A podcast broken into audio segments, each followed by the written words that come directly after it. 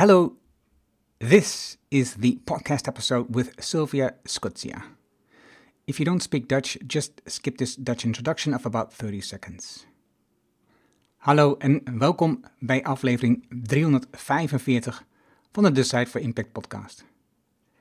Waar je leert van ondernemers en ondernemende mensen die bijzondere resultaten bereiken, welke besluiten ze genomen hebben om hier te komen, wat ze doen, de strategie en hoe ze klanten krijgen. Mijn naam is Arno Hanning en ik deel mijn opgedane kennis, ervaringen en expertise met jou.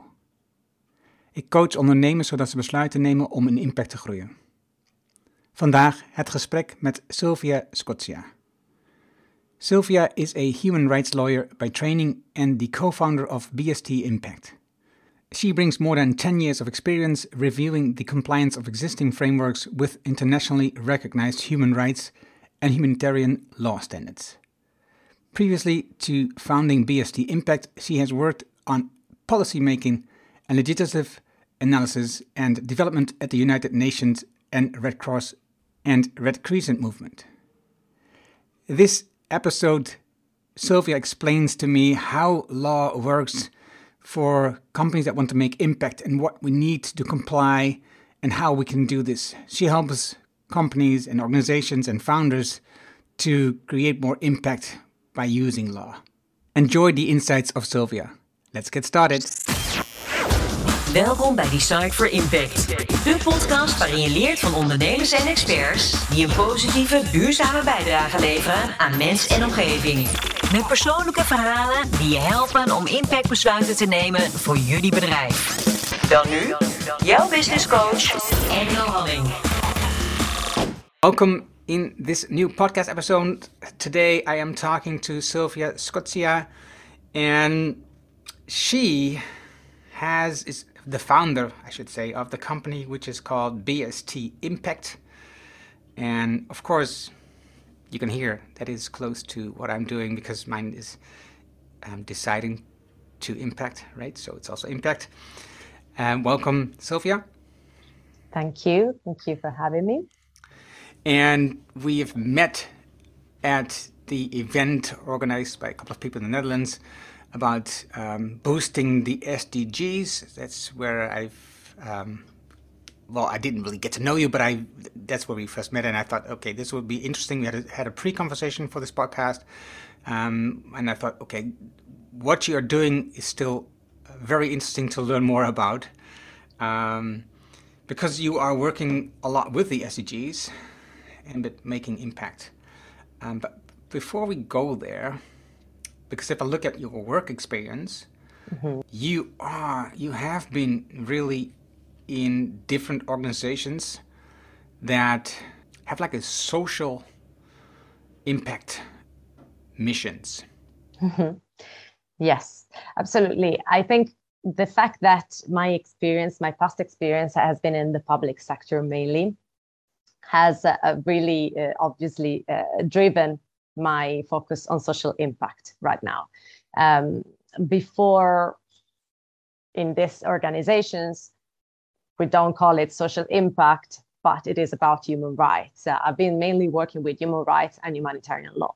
So, um, in my experience with uh, a the Red Cross and Red Crescent movement uh, and um, the IOM, uh, so the International Organization for Migration, the United Nations Tribunal uh, for the ex-Yugoslavia, I was uh, mm, mainly analyzing legislative development uh, and doing uh, assessments and, and research and comparative uh, also um, analysis on, on international protection. And everything international protection um, of human rights standards. That's what I mean. And it's mainly really focused around the implementation of what international law says in national systems. So, um, what I have been studying for first of all and then i've been having work experience in is uh, really uh, what does the law says uh, what is the normative framework around the protection of human rights and what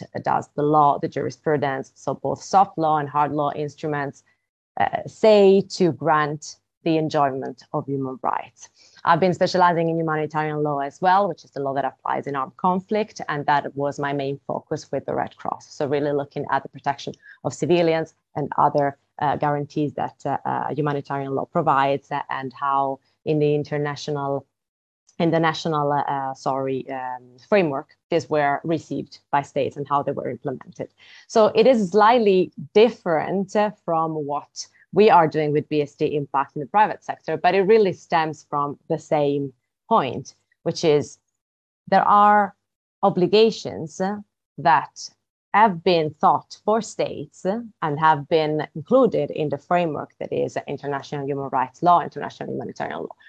But they are the, the ultimate aim is to provide protection to individuals and corporations have been increasingly having a enormous influence on the enjoyment of rights of individuals and communities. And this is why, with my business partner, Giulia Biselli, who has a very similar background, we have decided uh, to, to really uh, uh, transpose this um, expertise on, on human rights, but also really uh, the, the focus on uh, looking at everything, all the operations, the activities uh, that, uh, that an organization or a business has with a lens of um, human rights. So a rights-based approach, we, we call it. And, um, and this has been the, the basis for the establishment of BST that draws uh, from, from our experience in the public sector. Okay, I'm gonna um, see if I can unpack this a little more so I yes. can understand it as, as well. okay, let's go to your studies because I think that's a mm-hmm. linking pin that's going to help me to make uh, make it understand. First of all, I've I've noticed that you've been um, graduating cum, uh, summa cum laude, cum laude. So I think you are very study head. If I'm, is that correct? I like I like it. yeah, that's what I guessed. um, but you studied um, law mm-hmm. and international law and humanitarian law in in Spain in in Sevilla um, I studied in Italy, the so bachelor degree and master's degree in law in Italy. I did have a one year where I studied in Spain. Um, and then the specialization in human rights and humanitarian law uh, was in Geneva at the Geneva Academy. That was really a turning point because it's it's a great program that really uh, provides you with solid knowledge of these topics. Right, we're going to go in that direction, but you also went to the Hague. Yes, the Hague um, has been an experience with the ICTY, that is the United Nations International Criminal Tribunal for the former Yugoslavia. So there I was with the Office of the Prosecutor. And then you went to uh, Buenos Aires? Buenos Aires was a diploma uh, in uh, refugee and uh, refugee protection, so migration refugee protection. That was with the University of Buenos Aires. Okay, so, so what is it that in high school made you think that you wanted to go study law? Great question. Um, in high school, uh, I think I was really uh, drawn by the international dimension of law. So I knew that I wanted to study international law before I wanted to study law. so I was uh, I was um, drawn by the uh, influence, and if you want, you can say impact that um, a professional can have with his business or her business activity. So, uh, in in finding a way on how I could combine uh, this this aim with solid means uh, for me, the law has always been something that, uh, um, uh, in a way, assists with the frustration of uh, uh having to, to, feeling powerless uh, sometimes uh, in front of, of, of abuses. And we can talk about abuses of human rights. I don't have to convince you that you shouldn't harm the right of this person because there's the law that says so. So for me, really acquiring the tools to be able to defend human rights with this knowledge made me feel empowered and that's why I, I I always I was drawn by this dimension of law uh, before uh, before deciding really and defining what my role would be. But uh, um, the most vulnerable communities, even in high school, uh, you know, I could see that, that, there were communities that were suffering, that were affected by conflict situations, and those uh, um, really uh, stand out as the most vulnerable. What images do you remember that you saw at the time that you felt that those communities needed um, support in that area? Um, I don't. I don't feel particularly comfortable. Um, you know, talking about specific images because I think that sometimes, especially in the NGO, you know, uh, marketing uh, uh sort of uh, dimension, uh, there is really a need to to stress with images the the need for assistance for vulnerable communities or situations of vulnerability. And i understand why and i know that sometimes it's really a technique to to to wake conscience uh, and and it's it's a means to an end. Um, but i don't think there was a particular image. I don't think there was a particular image that uh, that stayed with me. I think it was really i want to contribute to the protection of human rights and uh, if i have to look at where the, the there's the, the, the most need for this service obviously looking at conflict affected communities is something that, uh, uh, that, that comes to mind because it's it's really situations where uh, the basic uh, guarantees of uh, uh, even your, your, your right to life right is, is really threatened by armed violence and everything else, all the other connected human rights are, are not, um, there, are, there are increasing obstacles to their enjoyment. And so for me, humanitarian law was uh, the the answer to that because it really looks at the protection of civilians. And uh, i found myself really passionate in learning uh, what what were the the the, the, means and the, the guidelines uh, and uh, uh, and really how humanitarian law tries to to to look at the obligations of states in the context of chaos and fragility and uh, try to make them feasible with a situation as tragic as is armed conflict. I can imagine that when you are a company and you, and I can see examples as well. Uh, if, when you have a company you want to make impact, for example, a beautiful story is a company that makes jewelry that is that sells jewelry that is made in Nepal. Mm-hmm. So by um, selling the jewelry, they help people in Nepal to create a job, to have an income. So the initial idea of impact for them was, uh, uh, for her, the business owner, was um, very easy. Um, um, she needs to just sell the jewelry so that she can help more people there um, on a job and working mm-hmm. on these jewelry to, to create them. So I can imagine that if you do that, um, the, the, the first thing that you think about is just getting work so that you can get these people to work and so that they can make a living. Mm-hmm. Um, I just talked with um, in the previous episode with Willem Gauss. He's from South Africa, mm-hmm. And he helps um, uh, young people to build a business in a short time, 21 days. And I think this that, the same feeling is there that people are now don't have a job, they don't make money, they have no money. So the first thing that you concentrate on is to make sure that they have a business or something that they can make money so that they can build a living. Mm-hmm. And you don't think about all the rules and regulations that you are talking about.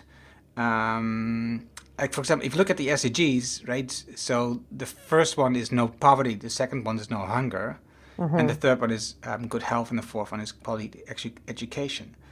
So if you look at the SDGs, what what do you feel is the SDG that ha- that that your company has the most relation with? Mm. So I think I absolutely agree with what you say, and the fact that uh, it can be overwhelming to have to look at everything and have to uh, try to to align with all the requirements at first when you're really just trying to create job and fight unemployment. Um, I think that the that's obviously the first step. And uh, it is it is definitely something uh, um, that uh, that is valuable to look at.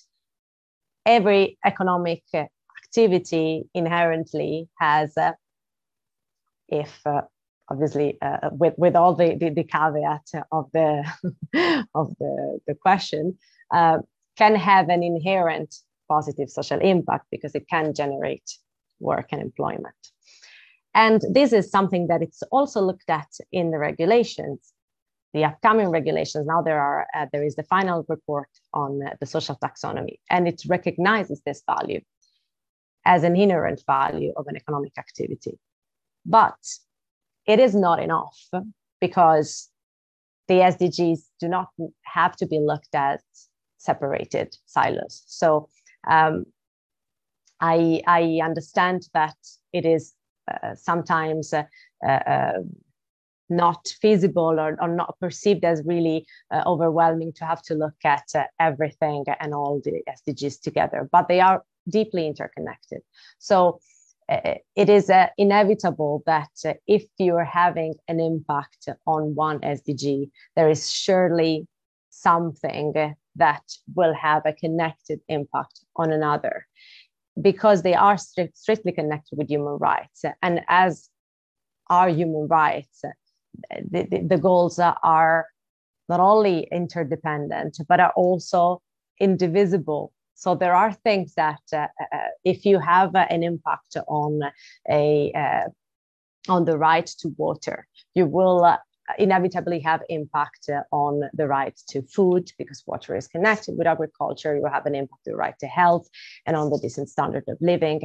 And all these uh, uh factors uh, can be seen just by digging a, diff, a, a bit uh, deeper into your initiative.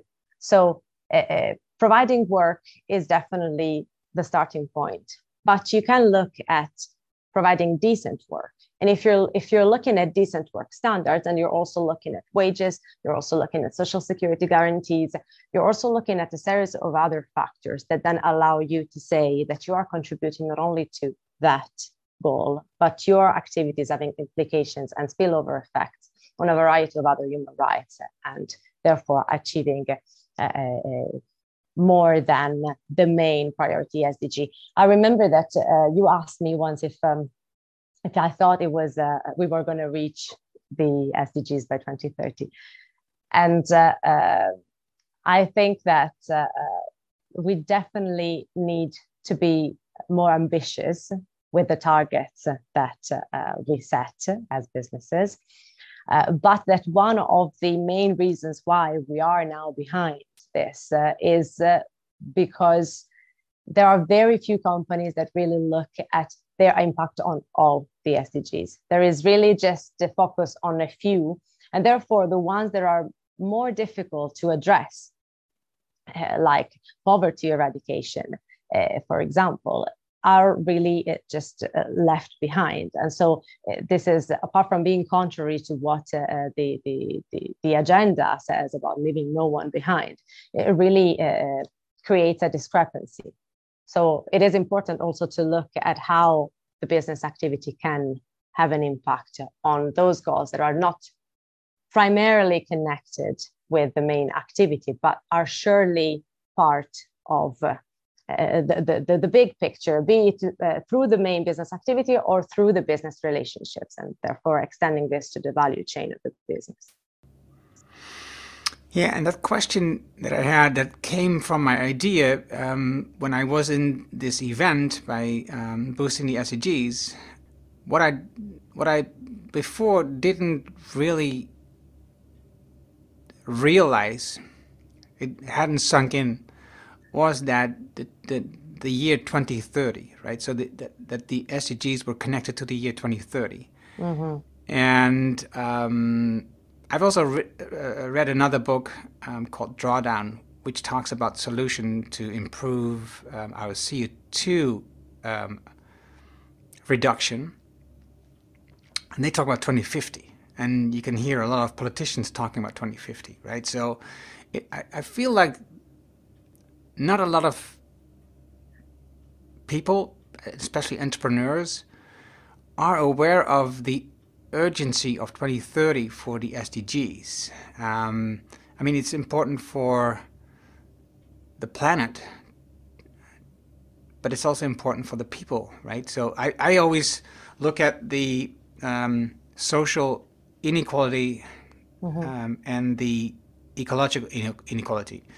And for me, there's a big difference between how we live in the Western world and how the people in the southern hemisphere live, right? So uh, the people we we in the in the West exploit the resources uh, which are in the ground, but also the people in the south, um, mainly to increase the number of goods we can consume, right? So we just buy more stuff, as I call it, at the cost of those people. Um, and those people is not a very good sounding words what I was looking for, but um, right, the people that that we look at when we look at the SDGs. How can we, you and I, increase the awareness and also the feeling of urgency on the SDGs? How can how can we um, create a better world for a lot of people mm. in such a short time? Your questions are very ambitious. I'm sorry. I no, I like it.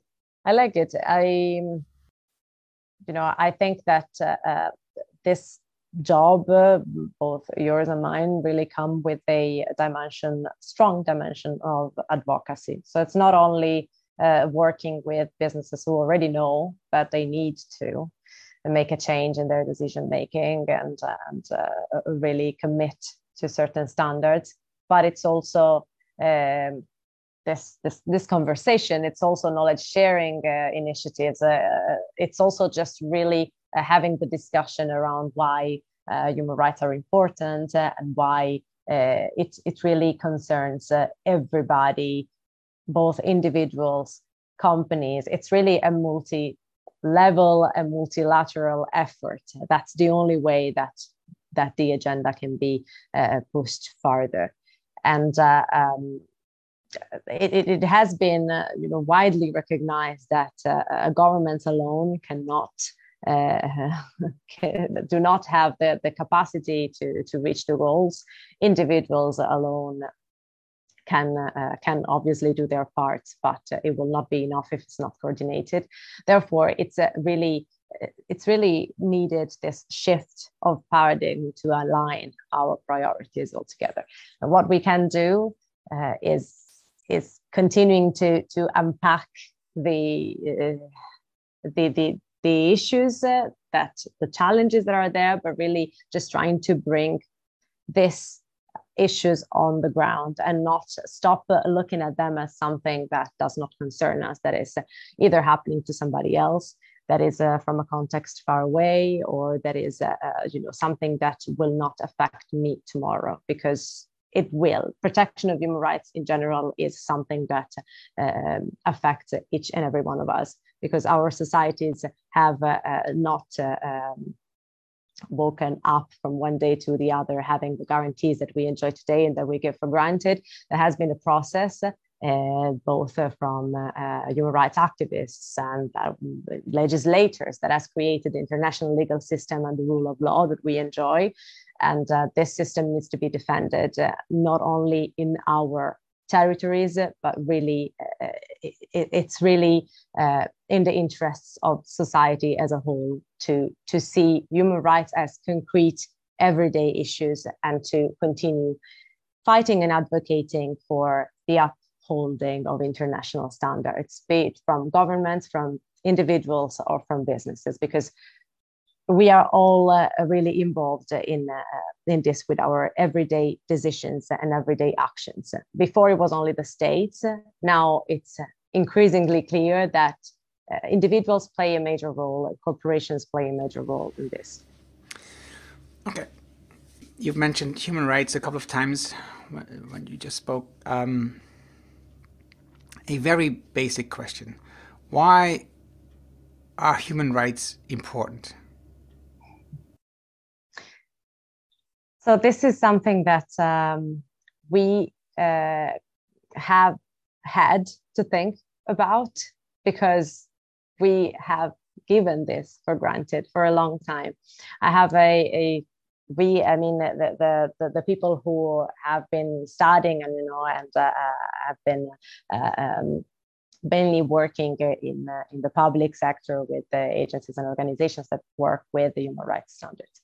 I have a, um, conversation with somebody who was particularly interested in this topic, uh, as I was mentioning that uh, it has been a, a sort of a shock when uh, I changed the perspective from uh, the uh, organizations I was working before uh, to the private sector in general, where I had to find myself questioning the really basic notion of why should I care? Um, that was something that uh, was given for granted. Uh, so, you know, you study human rights, you study what the law says, you study what the practice uh, uh is, uh, and what the policy development is, what are the challenges. You never go back because it stems from from your personal interest and from your own personal values. So you rarely have to go back and stop and say, why? Why is it important? So, starting this business, uh, we had to develop a sort of a narrative of why it's important uh, for businesses and uh, uh and obviously for individuals. And it really comes uh, uh, to the the, the, actions in your everyday life that you give for granted. Uh, uh, you know, the, the, the, food that you eat uh, is a right to food. The, the, the roof that you have, it's a right to shelter. The school where your kids go is a right to education. And uh, uh, this has these have been achievements. and they have never, they have not been gifts and uh, uh, there have been uh, there have been processes where there has been created an international consensus around what is now agreed as your right and something that you are entitled to. And for businesses, uh, it it comes back to the the shift of paradigm where uh, shareholder shareholder interests were uh, really the main uh, priority and and now the idea of having to uh, uh build a, a, a reputational um, value around your your company and your and your operations uh, of the financial risks are really not taken into account also this uh, these factors with the, the, the legal implications uh, and the legal risks that arise, and really just the importance of having your, your social license to operate and being accepted in the community where you develop your operations. These are all being part of uh, our efforts to try and explain why is important, both from a business case and from a, a, moral uh, point of view. Yeah, I think I think you're right. The the idea, of course, is um, you once you live in a certain culture and area, um, and you do that for a longer time, you you you don't realize what what the norm is, what what the standard is on rights that you actually have, that you've people have it for in the past, right? So, um, and it's it it becomes, of course, more clear when you compare yourself to other cultures where these things are not the norm, right? Like I said, I was talking to Willem Gaus, and when we here in the West talk about we help entrepreneurs uh, creating a plan for a business, it's in the end you have a plan, right? You have a plan that you can then start implementing or start making action on. And there he's just um, in 21 days is just helping them to create a business because the first thing that they need to do is to get food on the table. Mm-hmm. Because that's the, that's their main concern is that they don't have food at the moment, and that's a whole different um, concern as a person that you have. It's a whole different um, urgency that you have with the feeling how how you and that's and that's what I said. It's it is it becomes so accepted that the rights that what you just spoke about is is the norm that you don't think about it anymore. Mm-hmm. Okay, so now I'm because I looked at your LinkedIn profile and it, it and also your website. It talks about um, human, uh, sorry, female founders, right? Mm-hmm. Um, you, uh, uh it's woman-owned, I should say, right? That was the term. Woman-owned business operating. Apparently, that's important to you. That because you have it on your website, there's a logo. Mm. How do you feel that? No. What do you think that we need to improve as a society in the Western world? I'm not talking about um, the. I'm talking about the Western world to make it clear. Um, for woman rights, for female rights. So I think that progress has been made, but um, the fact, for example, I can talk about the the, the Italian the Italian context. Uh, um, there are it, it's uh, increasingly present in public debate. So gender issues are part of the public debate, and this was not exactly the picture a few years ago. Um, so it is becoming increasingly clear that there is work to do for equal rights, uh, both in the um, in the workspace, so in, in, in business, as well as uh, really in the private sphere. So we have a, a massive issue with domestic violence and, uh, um, and uh, feminicide um, in Italy. Um, and there, there is obviously a part that needs to be done from the legislative development point of view, but it's really, it really starts from, from a cultural change and, and, and the culture of relationship and mutual respect um, and the, the, ways that women are portrayed in, uh, in, in television and uh, on, on social media in general obviously contributes uh, to, to the culture. Um, in terms of business, is the same. Uh, we at BST we work with a, a, firm that is specialized in cultural change from gender perspective, and it sometimes really looks at um, how it's important not only to tick the box and having your quota and having uh, um, increasing the female workforce to say that you have a diverse and equal um, equal uh, uh, and you offer equal opportunity and equal representation because it's really you really need to look at empowerment, you really need to look at has this quota opened the door for women to have a voice, or is it really just having them sitting on the board and not being able to make any decision? And at the same time, um, looking at the root causes of the uh, uh, the challenge that you have, for example, in hiring uh, enough uh, uh, women in mid and senior level positions.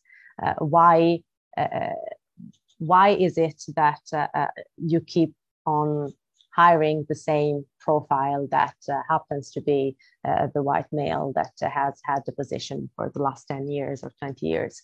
And so these exercises that go a step farther and they look at job criteria, for example, are you opening up your job criteria to, to make them accept other um, dimension of the skill of the competence that open the door for a diverse talent pool or are you really just doing things as you've been doing the last uh, the last 10 years? And uh, uh, you know talking about decision making for impact uh, i think uh, these are the, the factors that um, that need to be looked at. Not only the numbers but empowerment voice opportunities for growth and opportunities for development from a personal and professional perspective. And those are things that um, can be looked at uh, by, for example, looking at the retention rate also of, uh, of, of, women. How long do they do they stay? Are they satisfied? Do they leave? Do they reach uh, uh a senior position or a leadership position in how many years? What is the protection after incorporation? um, that, that you give to, to foster a meaningful recuperation after pregnancy, for example.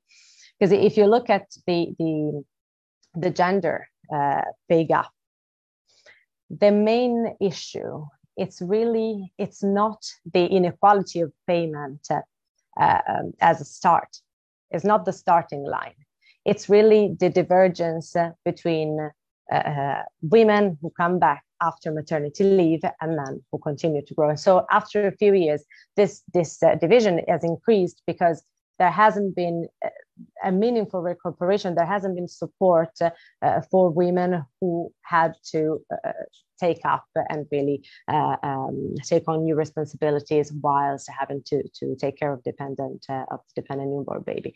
And um, these are obviously there's concrete measures that that business can can can uh, implement. Um, but it, uh, as I was saying, it comes back to to a cultural shift, and that interests both businesses and society as a whole. I had a discussion in the podcast, which is in Dutch, so I will put it in the show notes, but it's not for everybody. Um, with Sophie van Gol, she wrote a book about this gender pay gap, gap in um, the Netherlands specifically. Um, so it's an interesting, and like you explained, that's where a large part of the inequality came from, comes from. Um, but also the interesting um, example she's giving from um, in the book is from Iceland, where women went on a strike, I think, for like a week, um, and um, most of the inequality was um, was taken care of after that week because um, the, the, the whole state stopped working mm. um, because of the importance of women women in this situation. Why why is this woman owned badge so important to you?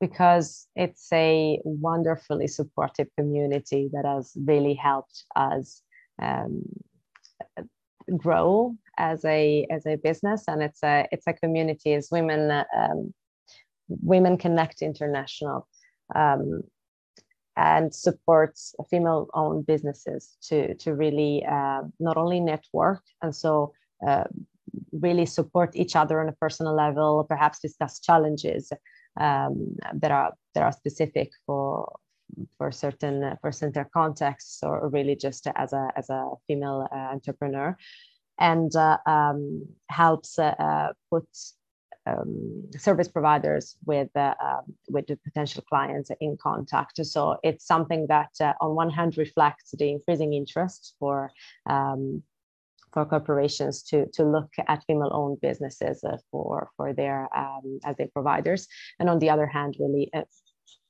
empowers and opens the door and gives the opportunity to to businesses like us to to grow. Do you see that um, corporations see that as an advantage that you are woman owned?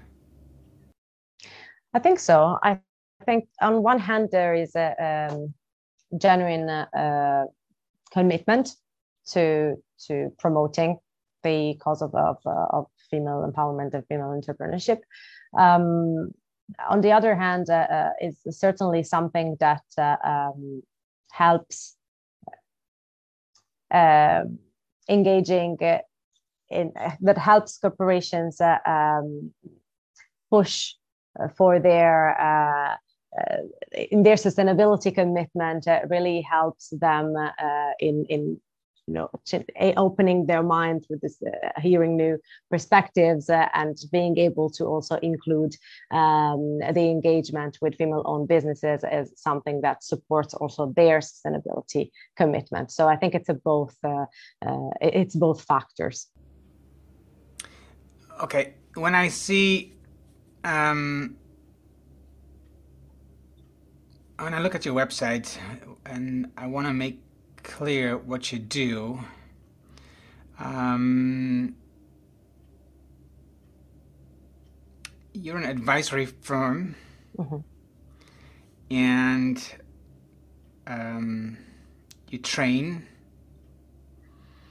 Um, what is it? Just to make it very clear for, for people, right?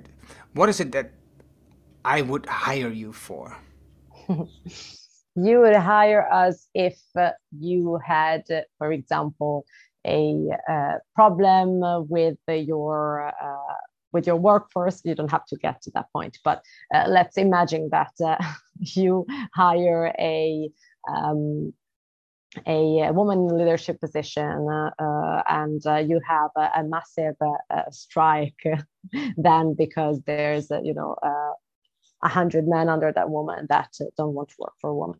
And you realize that you have a problem that you don't want to accept the situation and that you need to uh, make sure that your workers uphold certain standards. So in order to avoid arriving to this situation you can prevent um, issues uh, of this type and and uh, uh, of, of, other other human rights related risks by by having social sustainability policies. So we develop policies on um, non-exploitation, non-discrimination, and uh, um, really uh, fair recruitment, uh, uh, contracts and employees relations, uh, and uh, grievance mechanisms, and the, the, effective remedies. So how to to have efficient mechanisms that grant an effective remedy. So we assist companies with developing their internal policies around social sustainability issues, and having a strategy that um, is in line with this policy. So having corporate goals that fit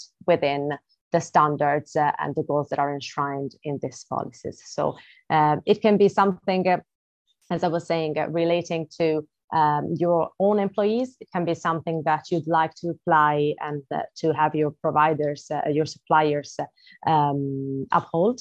So you would like to uh, make sure that all the the, the providers that then the, the suppliers that you have in your supply chain uh, are also upholding the standards of decent labor. So you want to make sure that there is no uh, exploitation in, in the supply chain. Um, and you, you, we would develop a, a, policy for you, and we would also guide you through the monitoring and evaluation of compliance with this policy. Hmm. Policy to me sounds, and obviously not to you, but to me sounds like pieces of paper. of course, they are now digital documents, but it, it sounds like documents. And um, in my experience, what usually happens to documents is that they are created and then they are shelved somewhere or put somewhere or filed mm-hmm. somewhere. And um, that's that, right? So we've created a policy and that's that. Um, how do you, and you, you, you mentioned that you also help them to create a strategy to uphold these policies, but how do you feel? Do you feel that this that that companies sometimes just create policies to just get it over with and don't really do something with it? Mm-hmm. Yeah, it's definitely a risk. It all comes back to the commitment. So what what we say is that we don't um, look at uh, uh, the sector per se. We don't look at the geographical location per se. We look at commitment. If there is commitment to not only have a statement but have an action plan, which is really what actually makes a difference uh, for the impact, then it does not stay as a, a document that is forgotten. And it, its value, if it's only a piece of paper, it's really almost zero. And so when you when you look, because we also assess the sustainability credentials of investees, for example, for investors. If you look at a company that has just limited itself to publishing a statement on the website and there is nothing else, at least not disclosed, but there is nothing else there, then the claim of sustainability is really weak. So it's not only having a commitment or a, or a future uh, forward looking statement, it's really about having in place and disclosing the structure that sustains that commitment. And it needs to be action plan, it needs to be indicators, it needs to be a monitoring evaluation mechanism that takes into consideration those indicators and uh, reports on short, medium, and long-term value. So what are what are the data and what, what has been the progress? And how have you assessed that progress? Have you taken decision on the basis of the data? So it's it's it's a multi-part exercise, and it doesn't have to be done everything from one day to the other, but commitment will drive uh, the authenticity of, of what's the output, what's out there, and what's the outcome, what's the actual impact. Who is your typical client? Um, so we've had uh, uh, SMEs in agriculturals because it's um, it's a sector that brings up um, many labor, especially labor-related social uh, risks. Um, we've had financial advisory firms uh, for uh, what I was saying uh, before for independent assessment reports on investees and, and help with the engagement with those. Um, we uh, have had uh, uh, startups that I was saying they want to make everything look good before starting their business, um, and it really it really changes also in terms of sector. Uh, but um, but I have to say there has been engagement from bigger corporation, but mainly uh, smaller and medium enterprises are those that uh, that are looking into this my personal opinion is that in in this in this case it is easier because you need to start uh, with the, with the with the right foot and it's less costly than having to revise everything that has been done. Um, but uh, uh, for us it's also easier in a way because it's it's more agile and you, manage to to to reach a um, a final, uh, let's say, decision and and uh, and uh, to get to the bottom of things quicker than with bigger corporations.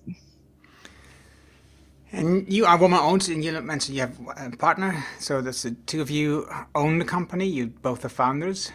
Um, your team consists, like I, I think, uh, uh, three people, the the full team. But then you have um, like all colleagues that work like independently if i understood it right like yes exactly. We have a, a small core team so it's the three of us uh, but we operate uh, as a conglomerate. So um, we uh, we bring in our associate experts and our partner firms uh, when there are multi-part projects that require different expertise. Because our mantra is uh, know what you know and be honest about what you don't know. Sustainability is a very complex uh, um, world, and uh, uh we know where our expertise lays, and uh, we we uh, value the expertise of partners for for, for a complete offering. So to offer um, other dimensions of the analysis, of the monitoring and evaluation, and, uh, and the, the, guidance uh, in general. And especially, um, we have a main partner that is a, a, an environmental consultancy firm uh, with with whom we uh, we we work uh, um, very often. Um, and we bring in experts from uh, the financial world for sustainable finance, uh, for um, uh, due diligence on anti-corruption. So we have a gender uh, diversity and racial equity expert, um, investor relations experts. As you will see, there's um, there's a, there's a quite a, a, wide network, and we like this system because uh, on one hand it values expertise, so it, it gives the ability of having an agile structure because we are a small consultancy firm, but at the same time to have a, a really specialized knowledge of different uh, uh, different parts and different uh, experts. You have started your business in 2090. Was it 2020? 2020. 2020. So you're just starting. Do you feel that you need to grow? Um, I think we we would like to grow, um, maintaining this structure in mind. We really like the fact that we operate as a collective of knowledge leaders, we like to call it. Uh, we like the fact that we can operate collectively and have a global reach, but at the same time, uh, maintain a small centralized um, control or management uh, of, uh, of the network. Uh, so definitely uh, we, we need to grow. We are a young consultancy firm, so we, we welcome any any new partnership we like to meet people that are like-minded as yourself and um, and and we like to, to to continue to grow our network absolutely um, and who knows we are we were born during the pandemic so we don't uh, have a, a, physical office uh, yet. We have the headquarters in geneva but we are traveling around spain and then london and then italy. Uh, but uh, in the future uh, why not? If need if need be, we will uh, we will think about about expanding too. The um, the abbreviation uh, BST, wh- what does it stand for? I, I, don't remember looking it up, but probably I can find it on the website, but I, I, I didn't see it so quickly. so it stands, uh, so it we like the fact that it resembles the best impact. so that was uh, that was one of the reasons but we actually started this project uh, uh, being three founding partners so that is the initial of our three surnames uh, and one of these partners uh, had to go back to the united nations where she worked previously and so now is uh, is uh, Julia and I, and then John, who works in our team uh, from London, although he's uh, is not a partner yet. yeah. oh, okay, okay. So there's some um, growth possibilities there. Absolutely. You um, are also still a associate consultant at ESI Mon- Monitor. Yes, so that's the environmental consultancy that I was mentioning to you before. They are consultants with us and we are consultants with them ah. because we work in close partnership. Right. Mm-hmm. But that also means that they hire you for some jobs where they need your knowledge. Mm-hmm. So uh, they have a, a platform for footprinting uh, where um, we are collaborating uh, uh and uh, including a so we we generally collaborate on uh, let's say the cross fertilization of two dimensions. So, so, be it from a policy point of view or from an indicators point of view. And it's very interesting when you look at um, how uh, you can guide a business to measure the the uh, performance and the impact not only from uh, for for their emissions and their carbon footprinting exercise, but also for the impact on socially relevant issues. So we work on uh, the development of KPIs that are relevant for uh, for human rights enjoyment, for labor, for governance, um, and we are looking into uh, strengthening this partnership further. I, I've noticed that it is an important thing, and at the same time, it's um, it, it looks complicated for entrepreneurs to make the impact um, measurable, right? So to make to make it visible and um, and you can not control but at least steer mm-hmm. your impact um, when you have the right numbers the right um, measurements how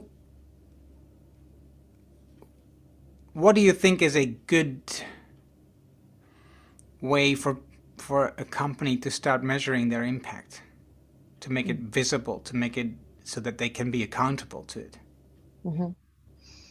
So I think that in this, um, you really have to start from uh, the, the benchmark that already exists in the international framework. It's not uh, uh, something uh, uh, new and it's uh, not necessarily um, something that um, needs to be done on a very uh, tailored basis. There is a, an added value of having your own indicators, the ones that work for you. Um, but there are frameworks existing that guide uh, that also have a social social side to it. There is GRI and there is SASB. Obviously, they need uh, um, to be developed farther from a human rights perspective uh, to really reflect uh, what are the efforts that the company is making in um, in uh, generating positive impact. Uh, there are small steps that can be done that uh, really, uh, for example, look at um, disaggregating data. So talking about gender diversity, um, not only looking at um, how many female employees do you have, but disaggregating them for um, contract type and for um, seniority uh, and uh, um, disaggregating also pay data. Uh, so on, on one hand, these are the type of, uh, of indicators that can help keep track on uh, the current performance. And it's important also to, to, to make decisions based on those data, not only to limit yourself at disclosing them. If you look at governance, for example, uh, if you have a code of conduct uh, and uh, you have in place a mechanism that uh, verifies compliance with the code of conduct, then a good indicator can be keeping track of the complaints and uh, trying to um, to disaggregate this data per type of violation. Numbers of times that a violation has been verified type of action that has been taken after uh, uh a violation has been has been verified. So it is a, a, disciplinary measure only, or did you provide remedy? What type of remedy has been provided? Has been compensation? Has been restitution? So it, you can go, you can always go a little bit uh, uh, deeper uh, to try and have a, a, a more um, a truthful picture of what's actually happening that uh, it can be different from from your good intentions because uh, there can be an amazingly um, articulated uh, grievance mechanism for employees. But if you don't keep track of how many complaints you have received you don't see that uh, one person has used it only. Or if you see that one number you may think that that's a good sign because everything goes well and you don't realize that actually there is not enough guarantees of uh, uh, confidentiality and you, you're not guaranteeing the, uh, the, the, the, the anonymity of the complainant. And so you don't look at what are potential actions that you can take that this data inform you. I think this is, uh, we're getting to the final questions here because um, two episodes ago I talked to Seren Danis and she's from um, We Are Basics, which is a clothing company, and they make like basic um, clothes for people so that you don't have to buy the latest fashion. And we and they want to eradicate fast fashion, or at least reduce. And what you see in the fashion world, but I also see it in agriculture, is that the um, subcontracting, right? So um, a big brand um, subcontracts the production of their clothes to all these smaller factories and they subcontract and they subcontract. Mm. So, what you see if you look at, for example, um, Deutsche Welle, which is like a um, documentary channel on YouTube, um, they have these documentaries about fast fashion where these companies like Zara, um, you look into their shops, not their shops, but you know, clothing shops in um, in the UK actually, right, where people are they don't have a contract, they have to work like for a couple of months for free. Um, and when there's no work, they have to go home. They don't get paid. So even in like the Western world, there is these areas where people can still be abused um, because of the unclear constructions, and it, it looks like we can not even hold these larger corporations that make billions of dollars a year in profit accountable for these situations. Mm. what what what do you think that we need to do there? What do you think that how how your work, not your, not just your company, but the type of work that you do, can help um, reduce these kind of situations? Mm. I think uh, due diligence and specifically human rights due diligence plays a key role in this. And thankfully, and I always look at the law for what I told you, the law makes it uh, um, easier uh, for for, for companies to, to open their eyes and think that they need to do this because otherwise they won't be compliant with the law and there are fines and there are consequences. So it reduces all the advocacy part that we were, we were talking about before. And thankfully, on the due diligence, specifically on human rights due diligence, uh, there have been uh, various uh, uh legal developments that help creating the structure for companies to pay attention to these issues and to really act upon and have processes in place to identify these risks, to prevent them, to mitigate them when they happen, and to avoid the risk of having irreparable harm. So something that uh, that uh, uh, you, you, cannot you cannot restitute back to the victims. Um, and we've seen this uh, uh, in the, in the last year in Germany. There has been uh, the uh, Due Diligence Act that looks also at human rights risks. Recently, a bill has passed in the Senate of the US look, looking specifically at forced labor risks in the um, in the um, supply chain um, and the European Union as well. So we're looking at the Western context.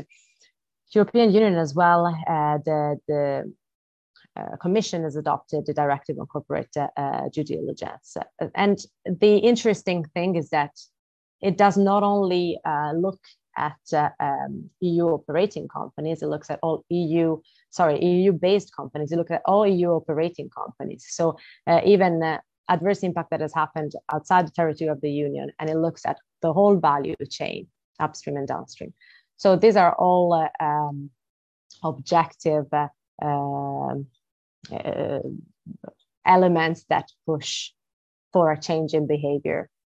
And uh, um, for, for what we're seeing, uh, the, the, the, the, direction is that, and corporations will have to be forced to, to implement uh, processes to really uh, go beyond their own operations and look at the whole supply chain because that's uh, obviously where where most risks uh, appear. And uh, and considering not only the risks to human rights but also the risks to the whole enterprise when these scandals uh, come out uh, and it's uh, increasingly easy that there is a collective immediate awareness uh, with especially with the with the social media platforms that allow any journalist to go and uh, uh, and uh, and visit a, a, subsidiary or a supplier that is in a different context and document exploitation or child labor.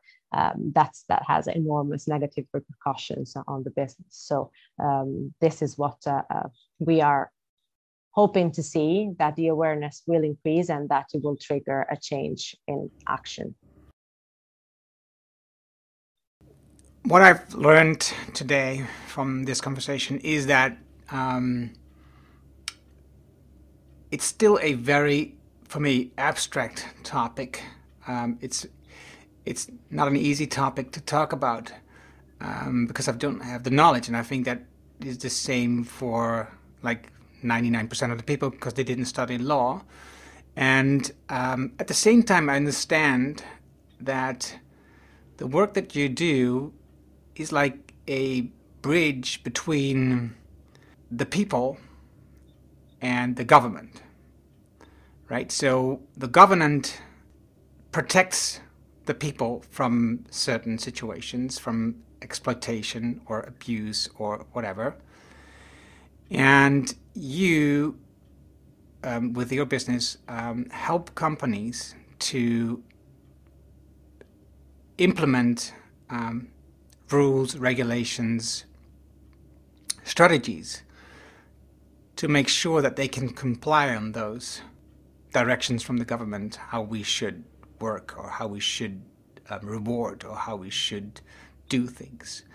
and that's I think is a is an interesting job, an interesting occupation that you've created because for most people it's very difficult to understand uh, what's going on and what you need to do to comply. Of course, we all look up to all these corporates that we know that do wrong, um, but at the same time, when you're a small business owner or well, medium medium-sized business owner, um, you could make the same mistakes if you are not not aware of what's going on. And I think it's a very fulfilling assignment that you have. Thank you for can that. Be. No, thank you. No, it, it can be uh, definitely. And, uh, um, you know, there is a part that is uh, uh about compliance, as you were saying. Um, for us, uh, is really putting the individual at the center. So if it is the government that has to enact laws to protect the individual from a disproportionate power. The disproportionate power can come from authorities and can come from corporations. So it is a bridge, as you say. Um, sometimes aligns with uh, obligations and aligns with compliance, and sometimes it's about being a forward-looking business that wants to give a substantial contribution to human rights and to the SDGs, and that sets a higher standard than what the laws ask. Sometimes the law I mean, uh, uh, let alone the the, the Western uh, context. But sometimes the law can be substandard, cannot really be adequate to protect the the rights of uh, the members of the community of the individuals. And therefore we really look at a commitment that sets a higher standard and that looks beyond that. Um, and that's what's uh, going to make a, a business future proof in the end that's a good point. That's a good point. I didn't think about it, but I think you. Yes, of course you are right because that's your. This is your work. Uh, but I now I can see that too. I can see the importance that you actually even go beyond the law because the law is often behind um, because it's just putting stuff down that happened already, which we now feel is not the right way anymore. I mean, at one point it was normal and in the law that we could own people, right? For example, like we could we could own slaves, and that's not accepted anymore. But at that time, it was the law, and that was how it was written down. And you go, like you said, you go beyond that, and you uh, make sure that we protect the individual. I, I love we the way try. well, that's your job. That's what you do. So that's and that's and that's more than trying. yes, sometimes it's a, it's um, a really um, it goes hand in hand with what you were saying. Uh, when uh, the legislation it's not really up to international standards, and it can be because of a variety of reasons. There can be uh, socio-political uh, uh, challenges. There can be historical reasons. Um, then uh, we look at how a, a, company can can navigate these conflicting requirements um, and and really uh, trying not to uh, be in trouble on one hand because some things may be completely prohibited by law look at the at the freedom of association in some contexts. Uh, but on the other hand really have internal standards and internal measures to foster this uh, um, this enjoyment of rights. Silvia it was wonderful learning from you today. You've made it a bit clearer for me how it works and, and what we need.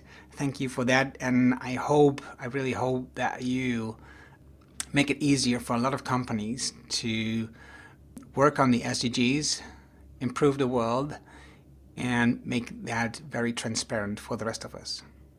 Thank you so much. Thank you. Dat was het mooie gesprek met Sylvia.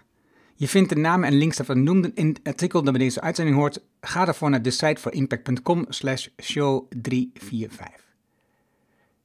Wil je vanzelf automatisch de volgende afleveringen van deze podcast op je telefoon ontvangen? Dat kan heel eenvoudig. Heb je een iPhone, daar zit er standaard de Apple Podcast app op. Open die app, zoek de site voor Impact Podcast op en klik op abonneer. En zet nog even een vinkje aan dat je ook de aflevering wilt downloaden. Heb je een Android-telefoon? Download dan bijvoorbeeld eerst de Player FM app. Zoek daarin de Decipher Impact podcast op en klik op abonneer. Dankjewel hiervoor. Heb je vragen, opmerkingen, reacties over deze aflevering met Sylvia of over de podcast in het algemeen? Stuur dan een e-mail naar podcast.decipheриmpact.com. Ik hoor super graag van jou. Wil je leren hoe je ieder kwartaal 195 belangrijke acties realiseert? Wil je 7 tips hoe je uit de waan van de dag komt en de lange termijndoelen nu realiseert? Vraag dan het boek Impactbeslissingen voor een leider aan op decideforimpact.com. Dit is mijn nieuwste boek en je downloadt het helemaal gratis. Je hebt zelfs geen e-mailadres nodig. Er is ook een Kindle en EPUB versie. Wil je de papieren versie van het boek? Dat kan ook. Je betaalt alleen de verzendkosten. Omdat het mijn nieuwste boek is, krijg je deze gratis. Vraag het daarom nu aan op decideforimpact.com. En ik weet, je hebt een volle agenda, je leest het in één avondtijd. Dankjewel voor het luisteren en graag tot de volgende. Dankjewel voor het luisteren naar deze aflevering van de Decide for Impact podcast. Ga voor jouw volgende stap naar decideforimpact.com.